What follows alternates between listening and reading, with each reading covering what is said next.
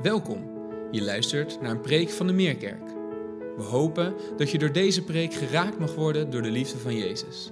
En dat je aangemoedigd mag worden om Hem samen met ons te volgen en van Zijn liefde te getuigen.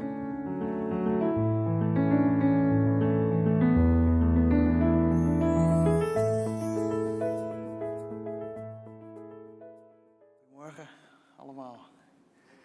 Altijd al gewild tekenfilmpjes kijken met de kerk. Het is gelukt. Deze eerste zondag, dat we, tweede zondag, dat we weer wat mensen in de zaal hebben. Gelukkig. Daar ben ik ook heel dankbaar voor. En ik hoop, en ik kreeg nog ook even tot de mensen thuis. Ik hoop dat net als vorige week, dat mensen de kans hebben gegeven om andere mensen uit te nodigen voor de week erop. Dat dat ook zal gelden voor deze week. Dat volgende week weer nieuwe mensen, andere mensen hier zullen zijn. En de gelegenheid zullen krijgen om hierbij te zijn. Want wat is het goed om bij elkaar te komen. En wat is het goed om samen weer te zingen met elkaar. Wat heerlijk en wat heb ik er naar uitgekeken. Het filmpje zei het al, het is eh, veel slimmer om in een eh, groep te reizen met elkaar. Om in een groep onderweg te gaan met elkaar. Om als groep je leven te delen. En het filmpje liet daar eigenlijk op leuke wijze zien hoe belangrijk dat is. En dat is ook het volgen van Jezus Christus. Het volgen van Jezus Christus is geen ik-ding. Het is geen solistisch leven. Het volgen van Jezus Christus is een wijding. En dat zien we ook terug in het leven van deze eerste gemeente, waar Lisanne net over heeft gelezen. Het leven van deze eerste gemeente was een wijding. Ze waren toegewijd. Toegewijd aan elkaar, trouw en betrokken. En ze vormden ook met elkaar een eenheid. Het was wij. Wij hadden iets met elkaar. Wij hebben iets met elkaar. Eensgezind. Een gemeenschap. En Lisanne noemde het al. We zijn in de laatste preek aangekomen van de prekenserie Een feest van navolging. En inderdaad, we hebben nagedacht over zo ontzettend veel kenmerken van deze eerste gemeente. Het onderricht van de apostelen, de gemeenschap met elkaar, de koinonia, waar Remy over heeft gesproken. Dat was ook met de ledenbevestiging. Hoe mooi.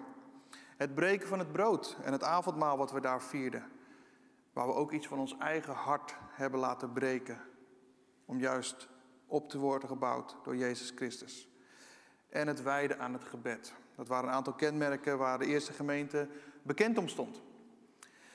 Maar zoals ik ook noemde bij het delen van het breken van het brood en het delen van de maaltijd met elkaar, dat ik het zo jammer vond dat de, dat de statistieken uitwijzen dat dat steeds meer en meer uit het oog verloren gaat. Dat is ook, denk ik, met het thema van vandaag. Trouw. Ook dat verliezen we steeds meer en meer uit het oog, om wat het betekent om trouw te zijn aan elkaar. De trouw die zo kenmerkend was voor deze eerste gemeente. Want we kunnen allemaal wel een preek luisteren. We kunnen allemaal wel ons voegen bij een gemeenschap, heilig avondmaal vieren. We kunnen allemaal bidden. Maar uit de trouw blijkt hoeveel waarde je hecht aan deze elementen, aan deze sacramenten. En daarom trouw blijkt niet zozeer uit wat je zegt, maar trouw blijkt uit wat je doet. Trouw blijkt uit wat je doet, niet uit wat je zegt. Zijn niet alleen maar de woorden, het zijn ook de daden. We kunnen dan zo'n lied zingen, wat prachtig, als familie. Het familielied. En we zingen dat uit volle borst hier in de zaal mee en thuis ook. Maar het is lucht en leegte. Als het niet daadwerkelijk blijkt uit onze daden en hoe we met elkaar omgaan. Dan is het zingen van een lied als dit onzinnig. Lucht en leegte, dat kennen we ook uh, misschien wel als je de Bijbel kent van Prediker. Een Bijbelboek uit het Oude Testament, geschreven door koning Salomo, die een wijze koning was. Had wijze dingen te zeggen. En als het gaat over woorden en daden, dan zegt Salomo in Prediker 5, vers 1 tot 4 ook iets heel moois. Hij schrijft daar, wees bijvoorbeeld niet haastig met je woorden. Want dan zegt hij, je kan beter geen gelofte doen dan een gedane gelofte niet inlossen. En ik denk dat dat ook mag gelden voor ons als trouw. We kunnen beter geen trouw beloven aan elkaar dan trouw beloven aan elkaar en het niet zijn. Vorige week vertelde Wichelen iets over een boek wat we aan het lezen zijn als staf. Wat we aan het lezen zijn en hier en daar weggeven ook aan andere mensen om te lezen en meegenomen te worden in waar we nou precies als kerk, als leiderschapsteam in zitten en waar we naartoe willen. Misschien wel meer en meer, wat een spiegel voor ons is. En hij noemde over het boek van Francis Chan, over de brieven aan de kerk. En dat laat iets zien ook over het leven van deze eerste gemeente. Want hoe ziet dat er dan praktisch uit, ook voor ons? Waar staan wij als kerk ten opzichte van deze eerste gemeente uit Handelingen 2?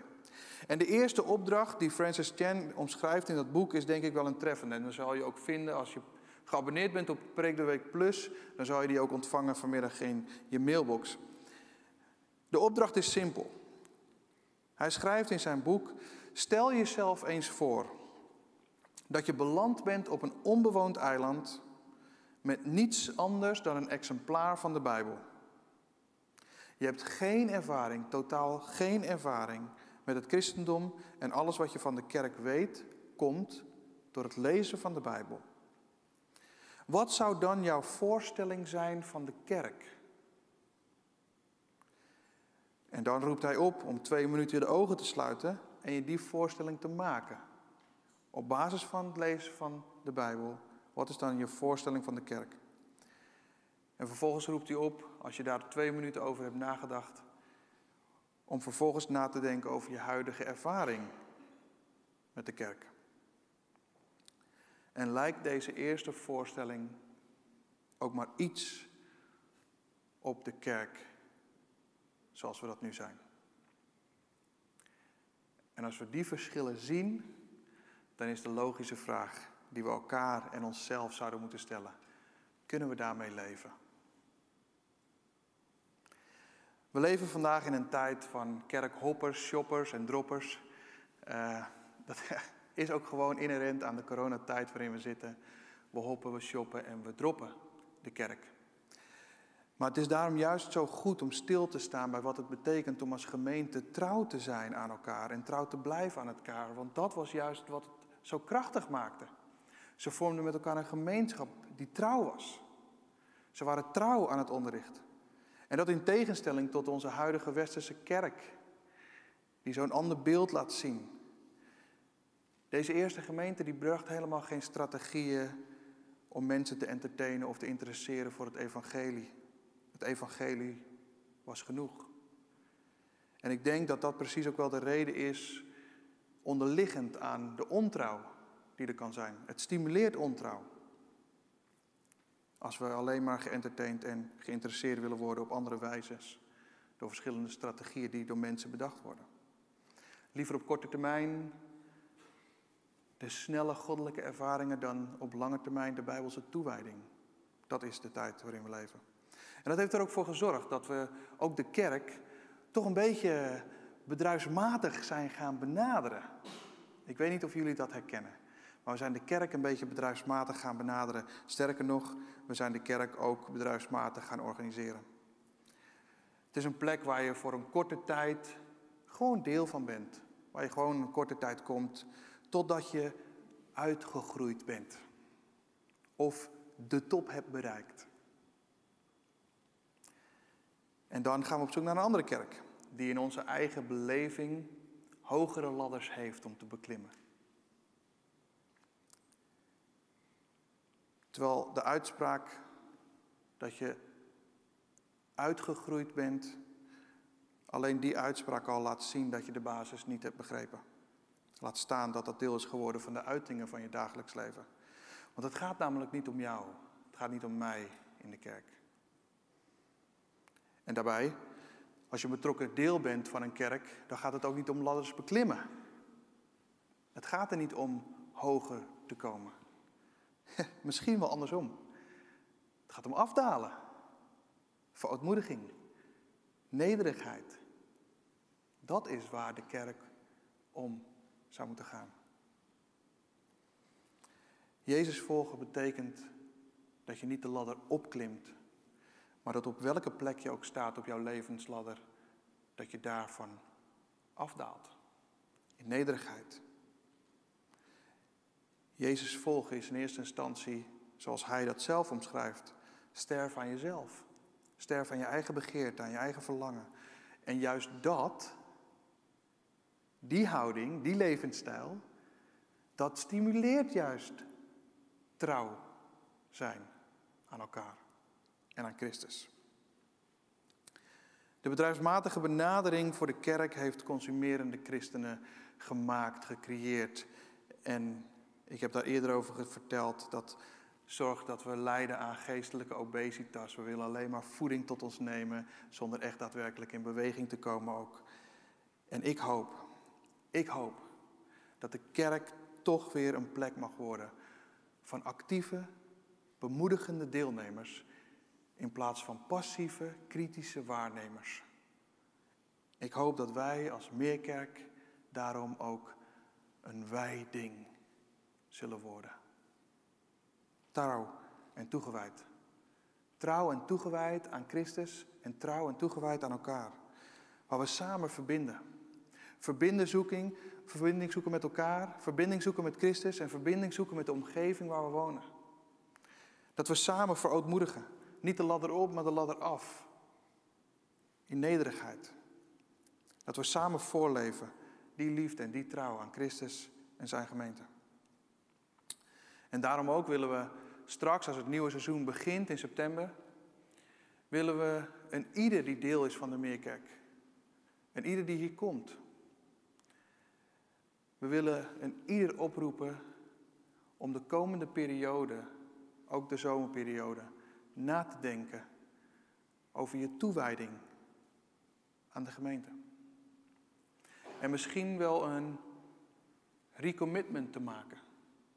Opnieuw na te denken over je toewijding en trouw, ook aan deze kerk. En dan hoop ik dat je daarvoor bidt, nog voordat je ja of nee zegt. Ik hoop dat je daar in eerste instantie voor bidt, dat je Gods leiding zoekt in wat Hij vraagt, in wat Hij verlangt. En dan maakt het niet uit of je uiteindelijk toegewijd wordt aan deze kerk. Dat is helemaal niet het ding. Het gaat niet om ons als meerkerk. Maar waar ik meer toe zou op willen roepen, is om na te denken over trouw zijn aan een kerk. Die vol liefde is en zorgt voor elkaar. En dat mag de meerkerk zijn. Hoeft niet. Maar wees trouw. Verbind je aan een kerk die zorgt voor je, die liefdevol is. En je wijst op Christus. En dan hoop ik en dan bid ik dat wij de komende weken daar in ons eigen persoonlijk leven de tijd voor zullen nemen om dat bij God te brengen. Zodat we straks in het nieuwe seizoen kunnen beginnen, kunnen starten met een familiair wijding. Toegewijd aan elkaar toegewijd aan Christus. Samen een wijding. Weet je, enkele weken geleden keek ik met verwondering naar een YouTube-serie en waarin werd een motorclub gevolgd. en ik, ik ga niet mijn motorrijbewijs halen. Ik ben ook helemaal niet voornemens om me te voegen bij een motorclub. Um, maar ik heb wel met verwondering gekeken. Sterker nog, naarmate ik steeds meer en meer afleveringen keek, werd, werd ik een beetje jaloers. Niet, niet om de dingen die ze doen en begrijp wel goed. Niet, niet, om, niet om de praktijk en zo, maar hoe zij met elkaar zo'n enorme waarde hechten om één te zijn. Trouw toegewijd. Je wordt deel van de familie. Zij nemen deze boodschap heel serieus. Als je deel wordt van deze club, word je deel van de familie. Zorgen we voor elkaar. Zijn we er voor elkaar. En ik keek met een bepaalde jaloezie daarnaar, omdat ik denk dat we dat als kerk steeds meer en meer uit het oog verliezen. En ik dacht, hoe kan het nou? Hoe kan het nou dat een wereldse motorclub het beter doet dan de kerk van Christus? Kijk met jaloezie. naar een wereldse motorclub. Want hoe anders is het ons, bij ons in de kerk? Niet alleen hier, maar ik denk in vele kerken. Hoe anders gaan wij met elkaar om? Hoe vaak hoor ik niet dat we roddelen over elkaar? Waar niemand bij is, vooral niet de persoon om wie het gaat. Hoe anders gaan zij om bij een motorclub? Er wordt niet geroddeld over elkaar. Er wordt met respect gesproken over elkaar. Hoe negatief kunnen we soms zijn op elkaar? Hoe kritisch over de kerk en alles wat we doen? En hoe kritisch we onderling naar elkaar zijn, elkaar de maat houden. Deze motorclub snapte het beter dan wij. En dan kijk ik naar het Bijbelboek Jacobus. Die zegt met de mond waarmee we de Heer zegenen, dat is dezelfde mond waarmee we mensen vervloeken die naar zijn evenbeeld gemaakt zijn. Het leek wel alsof die motorclub de Bijbel had gelezen. Een aantal geboden en verboden dan weliswaar weggelaten. Maar het leek wel alsof zij de Bijbel hadden gelezen en het beter begrepen dan wij. Beter begrepen dan ik. Ze waren positief en opbouwend over de club. Ze waren positief en opbouwend over hun leden. En ja, ze stonden misschien wat minder positief ten opzichte van het volk. Als je daar deel van was, als je daar deel van was, dan vormde je een familie. Een van de motorclubs die we ook wel kennen is Satudara. En toen ik me ging focussen op hoe dat dan ontstaan is, de Molukse motorclub Satudara. En Satudara betekent één bloed. Zoveel waarde hechten ze aan elkaar. Je wordt één bloed, je wordt bloedverwant. Zo hecht worden ze met elkaar. En toen dacht ik, Satudara, één bloed. Wij zouden het voorbeeld moeten zijn van één bloed. Het bloed van Jezus Christus is wat ons één zou moeten maken. Is wat ons zou moeten verbinden aan elkaar. Wij zouden moeten rondlopen in de leren hesjes van Satudara. Met het logo van de Meerkerk eronder. Of welke kerk dan ook. Wij zouden één bloed met elkaar vormen. Door het bloed van Christus. Wie weet, wie weet schaffen we nog die hesjes een keer aan.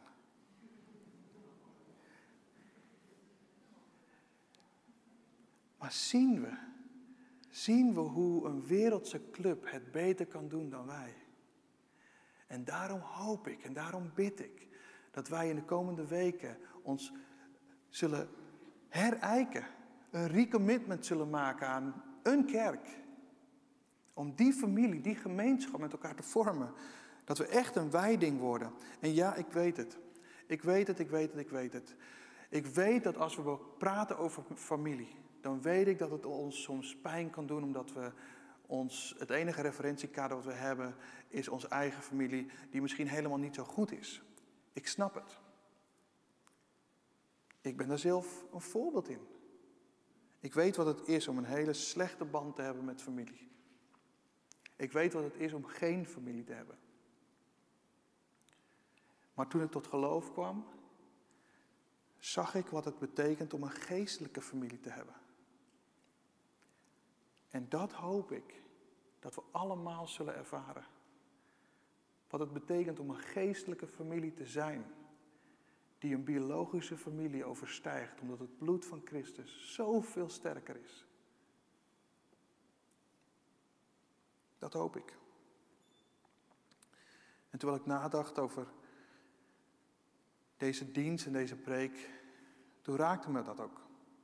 Soms dan voel je wel eens als je de Bijbel leest of als je bezig bent met de voorbereiding van een preek, dan voel je soms wel eens een soort overgevoelige traanbuis opkomen. En dan raakt het je gewoon zo diep dat de tranen over je wangen rollen.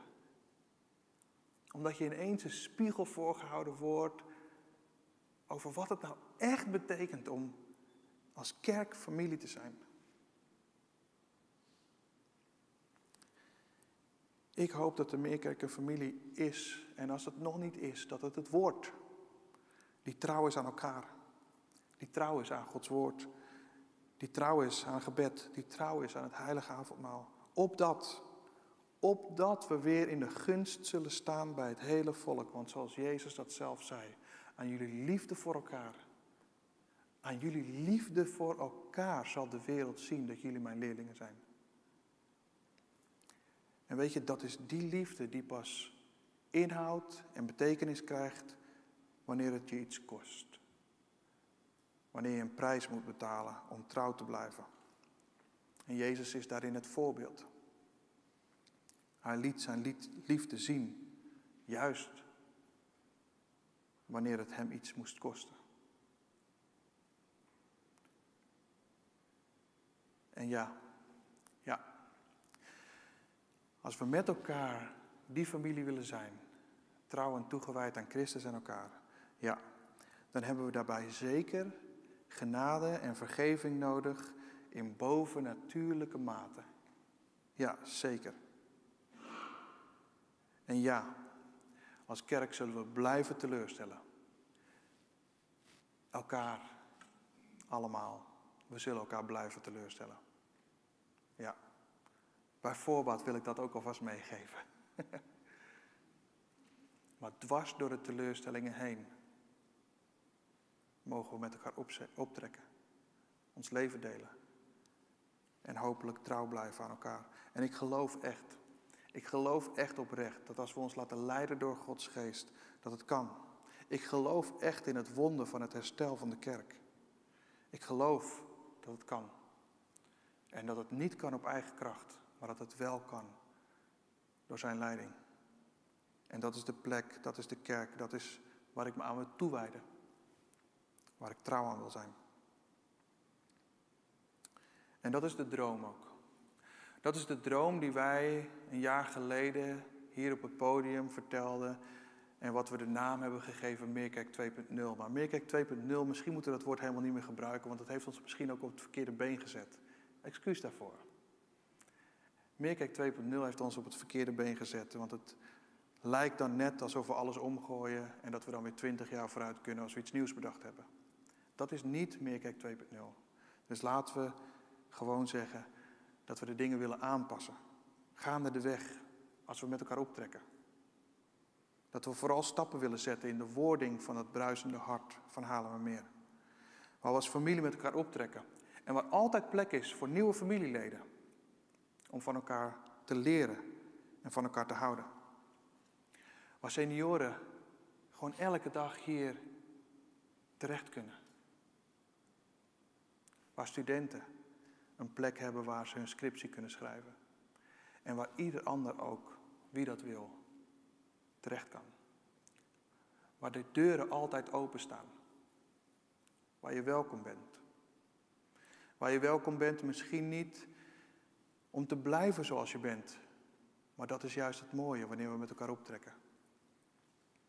Dat we elkaar helpen meer en meer op Christus te lijken. Daar zie ik naar uit. En hoe ziet dat er dan concreet uit? Samen optrekken, ons leven delen, de deuren open, stil worden, Jezus zoeken, wonderen van geloof verwachten. En soms, soms, als God het van ons vraagt, tegen de stroming in te zwemmen, met elkaar, zoals het filmpje liet zien. Samen, samen, sterk. Een wijding. Dat de Meerkerk echt een wijding wordt toegewijd aan Christus en trouw aan elkaar. En dat betekent dat we niet allerlei initiatieven ineens gaan opstarten, want dan wordt het weer een kerkelijk ding van organisaties. Nee, waar we gewoon willen zijn. Waar we gewoon willen zijn. Met elkaar, voor elkaar. En het klinkt heel simpel. Het klinkt super simpel. Maar ik geloof dat dat de meest krachtige gemeenschap gaat vormen die je kan bedenken. Die weer in gunst komt te staan bij de rest van het volk. Precies zoals deze eerste gemeente uit Handelingen. En de vraag die ik dus eigenlijk wil meegeven aan ons en aan de mensen thuis. Wil jij je daaraan toewijden? zullen we met elkaar God zoeken.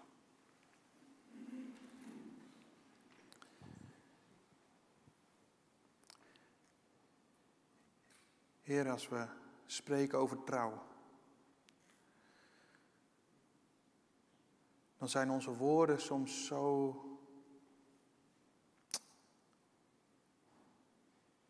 lucht en leegte. Onze woorden zijn nutteloos, zinloos en zonder enige vorm van kracht als het niet blijkt uit de daden. Als ik gisteren dan mocht zijn bij de trouwdienst van Jola Mariska, daar beloofden ze elkaar trouw. Maar dat simpele woordje ja blijkt uit wat ze doen en niet uit wat ze zeggen. En dat geldt ook voor ons. De woorden die we zingen, de woorden die we bidden, de woorden die we lezen. Ze zijn lucht en leegte als het niet blijkt uit onze daden, als het ons leven niet verandert, als het ons leven niet in beweging zet om u na te volgen in alles. Het is lucht en leegte. Als we zeggen familie te zijn en het niet blijkt uit hoe we met elkaar omgaan. En ja, dan kan het schuren. Ja, dan kunnen we eerlijk zijn. Ja, dan kunnen we misschien elkaar zelfs vermanen in dingen. Terechtwijzen. Maar we wijzen niet terecht om te veroordelen. We wijzen dan terecht om met elkaar het beste in elkaar naar boven te halen. Uit liefde. Uit zorg. Uit een enorm groot hart voor elkaar. Uit een enorm groot hart voor u. Heer, ik wil zo bidden dat u ons weer leert wat het is om trouw te zijn. Trouw te zijn aan u, trouw te zijn aan de gemeente. Opdat, opdat de wereld zal zien dat wij uw leerlingen zijn, door de liefde die we voor elkaar hebben. Dat we niet achter elkaars rug om praten. En vergeef ons waar we dat doen. Vergeef mij waar ik dat doe. Dat we elkaar opbouwen. Dat we elkaar bemoedigen. Dat we actieve deelnemers worden. Een wijding. Heer, we willen dat allemaal maar in uw handen leggen en bidden, wetende dat wij het niet zelf uit onze eigen kracht kunnen, maar wetende, vertrouwende dat u het kan door uw geest die in ons leeft om de kracht te geven, te doen wat boven onze eigen natuurlijke krachten ligt. U kunt het. Hier zijn we, hier ben ik. Maak ons, uw kerk, dat weer tot een zegen zal zijn, tot een licht zal zijn van de volken. Maak ons een kerk die vol is van uw kracht. Maak ons een generatie van kerk die overwinnen zal door de liefde die is, die u ons geeft.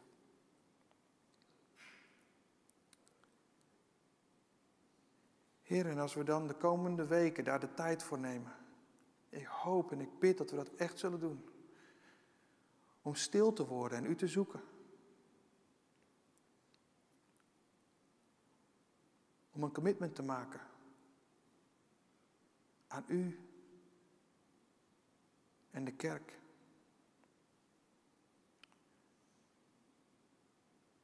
En dan bid ik, Heer, dat u tot ons spreekt. Dat de Meerkerk een wijding zal zijn. Samen met elkaar. Samen. Een wijding. Trouw en toegewijd. Daar wil ik voor bidden, Heer, dat u dat geeft. In de naam boven alle namen bid ik dat. In Jezus' naam alleen. Amen. Laten we met elkaar zingen. Precies die woorden. Dat wij een kerk zullen zijn die een zegenend licht zal zijn voor de volken. En waar jij een actief deelnemer van mag worden zijn.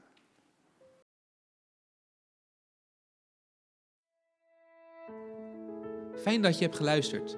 Voor meer informatie ga naar www.meerkerk.nl.